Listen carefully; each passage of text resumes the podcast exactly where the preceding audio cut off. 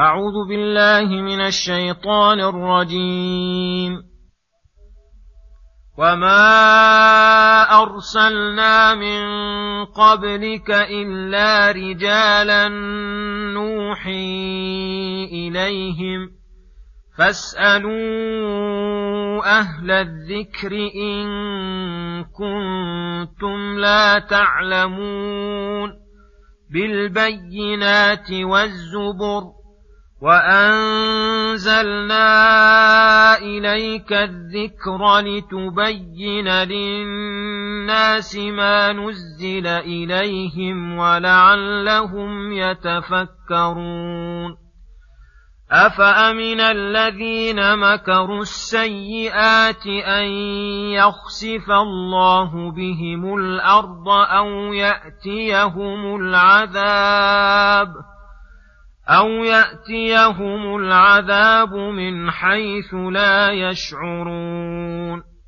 أو يأخذهم في تقلبهم فما هم بمعجزين أو يأخذهم على تخوف فإن ربكم لرءوف رحيم أولم يروا إلى ما خلق الله من شيء يتفيأ ظلاله عن اليمين والشمائل سجدا لله وهم داخرون ولله يسجد ما في السماوات وما في الأرض من دابه والملائكه وهم لا يستكبرون يخافون ربهم من فوقهم ويفعلون ما يؤمرون السلام عليكم ورحمة الله وبركاته. بسم الله الرحمن الرحيم. يقول تعالى لنبيه محمد صلى الله عليه وسلم: وما أرسلنا من قبلك إلا رجالا، أي لست ببدع من الرسل، فلم نرسل قبلك ملائكة، بل رجالا كاملين لا نساء. نوحي إليهم من الشرائع والأحكام ما هو من فضله وإحسانه على العبيد من غير أن يأتوا بشيء من قبل أنفسهم.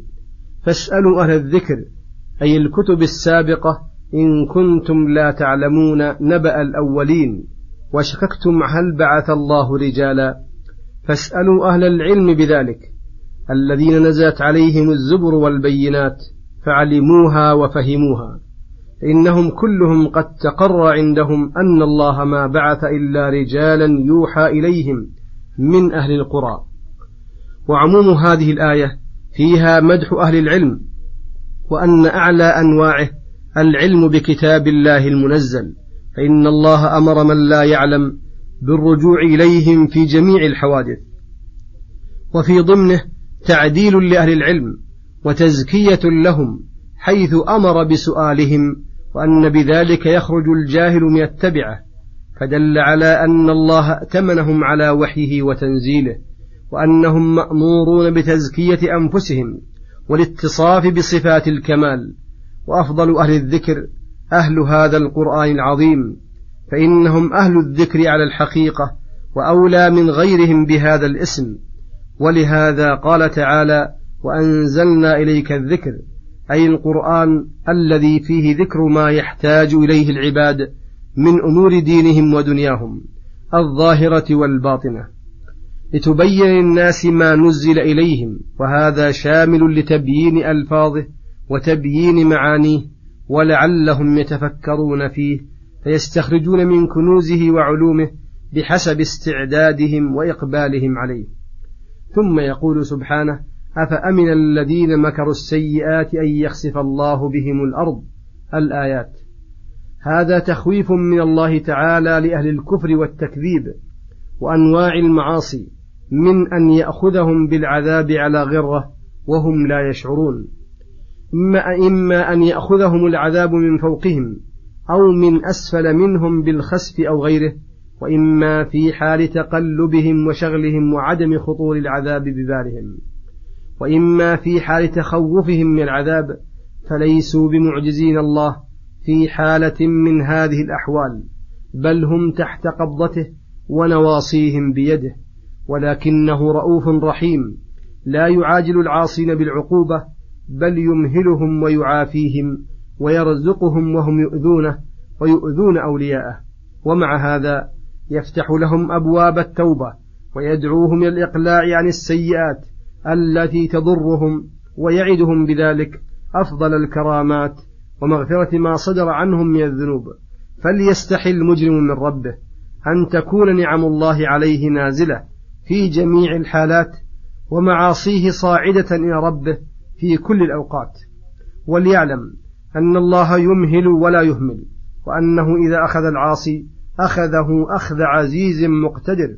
فليتب إليه وليرجع في جميع أموره إليه فإنه رؤوف رحيم.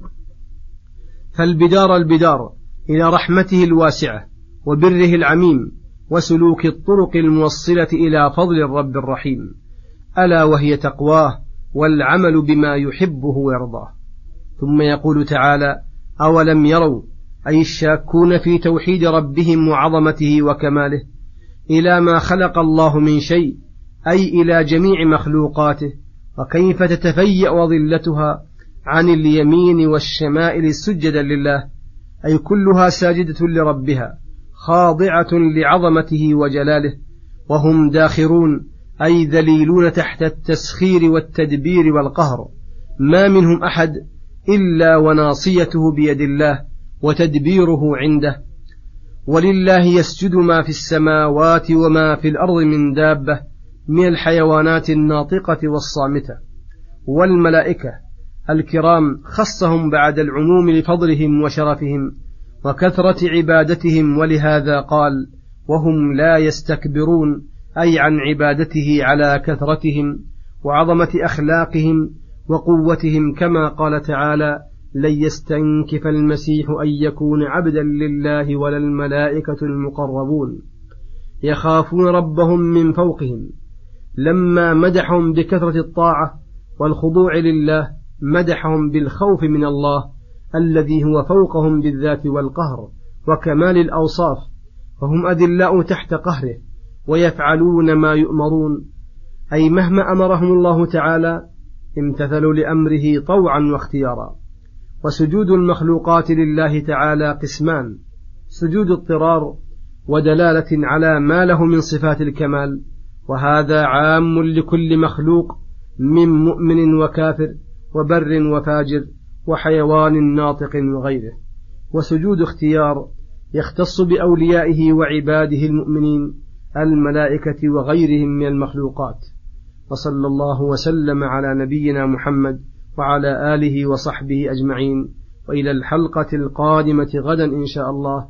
والسلام عليكم ورحمة الله وبركاته.